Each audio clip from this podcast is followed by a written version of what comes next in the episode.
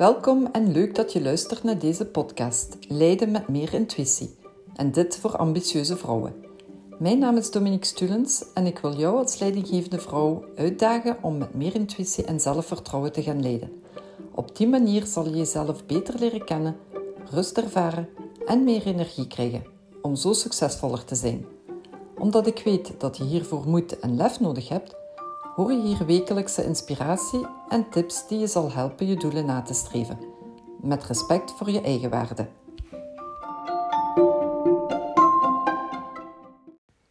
Hallo, super fijn dat je op deze wekelijkse afspraak bent. Ik neem je mee in inspirerende verhalen over hoe je naar je leiderschap kan kijken en op welke manier het een impact op je kan hebben. In deze weeks podcast ga ik het hebben over hoe te weinig zelfvertrouwen een weerslag heeft op je medewerkers. Hierbij geef ik je steeds weer een tip van de week die je al dadelijk kan toepassen. Sommige tips zullen je niet onbekend zijn en dat is maar goed ook. Toch blijft het herhalen van de tips van belang, omdat we ook wel de neiging hebben ze te vergeten en dan ook niet toe te passen.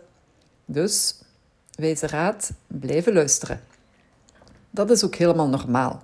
Als je ziet hoe we in een razendsnelle wereld leven waar we steeds geconnecteerd zijn, en dus is het ook wel nodig dat we coaches hebben zoals ik om te helpen bij jezelf te komen en te onthouden wat belangrijk is.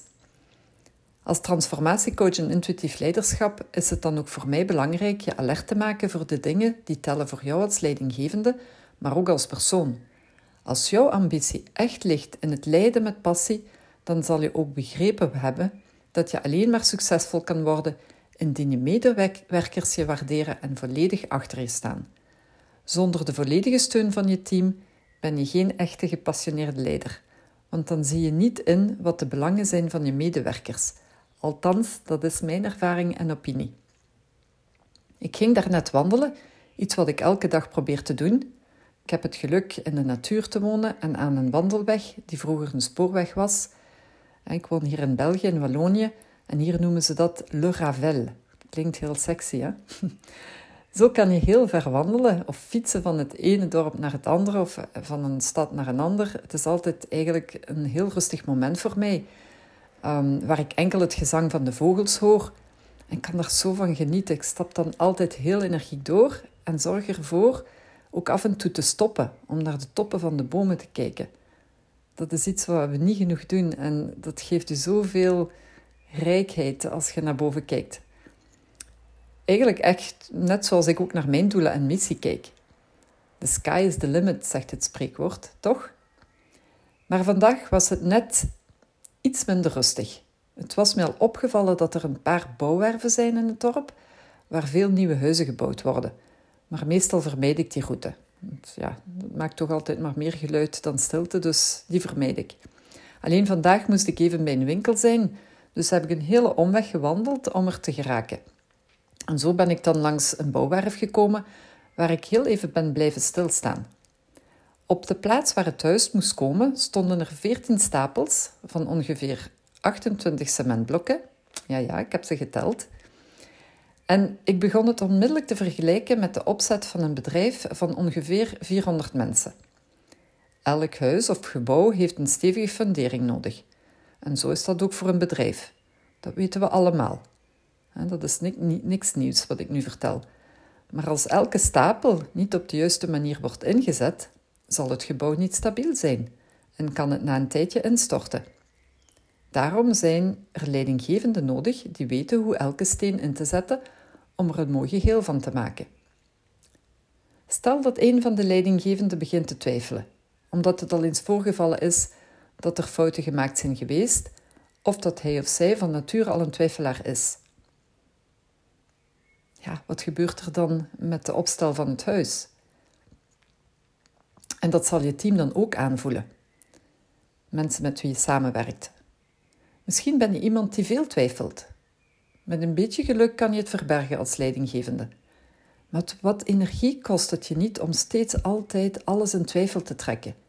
Je krijgt er hoofdpijn van en het maakt je soms gewoon gek. Ik weet wat het is. Toen ik naar die stapel cementblokken keek, werd ik mij weer eens bewust hoe belangrijk het is om iedereen op dezelfde golflengte te krijgen en om dat te doen is het nodig om een goede dosis gezond zelfvertrouwen te hebben. In mijn jaren leiderschap heb ik ook twijfelmomenten gekend. Voornamelijk als ik gemicromanaged werd. Daarmee bedoel ik dat mijn manager alles tot in de detail wilde controleren. Hij leek letterlijk over mijn schouder te kijken. Dat legde heel veel druk op mij en ik kon nog moeilijk op de juiste manier presteren. Of als ik een opmerking over een taak kreeg die niet helemaal was zoals mijn manager het verwacht had, omdat we het waarschijnlijk niet genoeg uh, hadden afgesproken van uh, wat, de, ja, wat de uitkomst moet zijn, kon ik ook heel snel gaan twijfelen aan mezelf, omdat ik de neiging heb de dingen persoonlijk te nemen. Twijfel is een grote boosdoener in goed presteren. Eerst en vooral voor jezelf, maar ook naar je team toe. En hoogstwaarschijnlijk ook naar andere medewerkers toe in het bedrijf. Ik ben zeker dat als je leidinggevende bent met twijfels, dat die twijfels ongegrond zijn. Ik kan er echt van meespreken, omdat ik nu veel bewuster ben en kan inzien wat mijn hoofd mij zegt niet de waarheid is.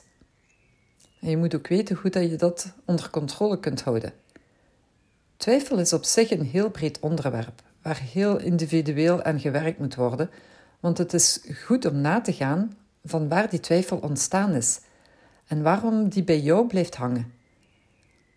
Hoe je dan ook die dingen kan plaatsen en het achter je laten. Op dit moment kan ik ook nog heel wat momenten van twijfel hebben met het lanceren van mijn ondernemerschap. Maar ik weet ook dat dit helemaal normaal is. Omdat ik volledig uit mijn comfortzone ga. En daarna, daaraan werk ik ook dagelijks. Het is soms wel een sport, maar het, het is zoveel beter als je er bewust van bent en dat je ermee kan werken. Maar dus vandaag, toen ik naar die stapel cementblokken keek, moest ik terugdenken aan hoe ik het aangepakt had om mijn zelfvertrouwen op te bouwen in mijn leiderschap. Wat ik gedaan heb en wat mij ook succesvol gemaakt heeft, is dat ik mij heel nieuwsgierig opgesteld heb naar mijn team toe. En ook de medewerkers van andere afdelingen. Dus ik limiteerde het echt niet enkel naar mijn team toe, maar verder dan mijn team. Ik deel graag even wat een ex-collega over mij geschreven heeft, die het hoofd van supply chain was, nog steeds, en ik het hoofd van marketing was. Ik ga dit niet zeggen om te stoeven, maar eerder om aan te tonen wat je in de plaats terug kan krijgen. Hij zei: Ik ben altijd enorm onder de indruk geweest door Dominique's niveau van natuurlijke nieuwsgierigheid in elk domein van onze business. Ik kan haar ten sterkste aanbevelen als coach en teammanager. Geef toe, dat is toch heerlijk om te horen en het geeft je weer een goede boost van vertrouwen. Als je de moed vindt om vragen te stellen en je geïnteresseerd te tonen, dan ga je merken dat de medewerkers sneller naar je toe zullen komen om je dingen te vertellen en je op de hoogte te houden van projectevoluties of je betrekken in de vooruitgang van bedrijfsdoelen die voor jou ook van belang zullen zijn. Je krijgt heel wat meer, heel wat meer te horen, je bent van meer op de hoogte. En ik geef je deze tip mee, want ik weet dat als je dit op de juiste manier aanpakt, dan zullen je medewerkers je hiervoor gaan waarderen. Want ze zullen zich gehoord voelen en je gaan vertrouwen. Dat is een ideale manier om ook weer zelfvertrouwen te krijgen. Ik stel voor van het eens uit te testen. En kijk wat het met je doet en hoe je omgeving hierop gaat reageren. In het begin zullen ze misschien een beetje verwonderd zijn dat je, dat je je zo gaat interesseren in hun. Maar na verloop van tijd gaan ze er niet liever om vragen dat je daar uh, je aandacht in gaat steken. Dus probeer het even uit. Ik ben zeker dat daar wat moois uit gaat komen. Super dat je luisterde naar mijn podcast Intuïtief Leiderschap. Dank je wel hiervoor. Als je meer wilt weten en leren over intuïtief leiderschap of hier persoonlijk begeleid worden, dan ben je welkom om je aan te melden via mijn website yournextme.com en een kennismakingsgesprek in te plannen. Ik help je heel graag en ik vind het ook fijn als je mij laat weten of deze audio van deze week iets bij jou in beweging heeft gebracht. Alle informatie kan mij ook helpen om de inspiratie weer te krijgen. Abonneer je gerust om op de hoogte te blijven van nieuwe afleveringen. Tot volgende week. Dag!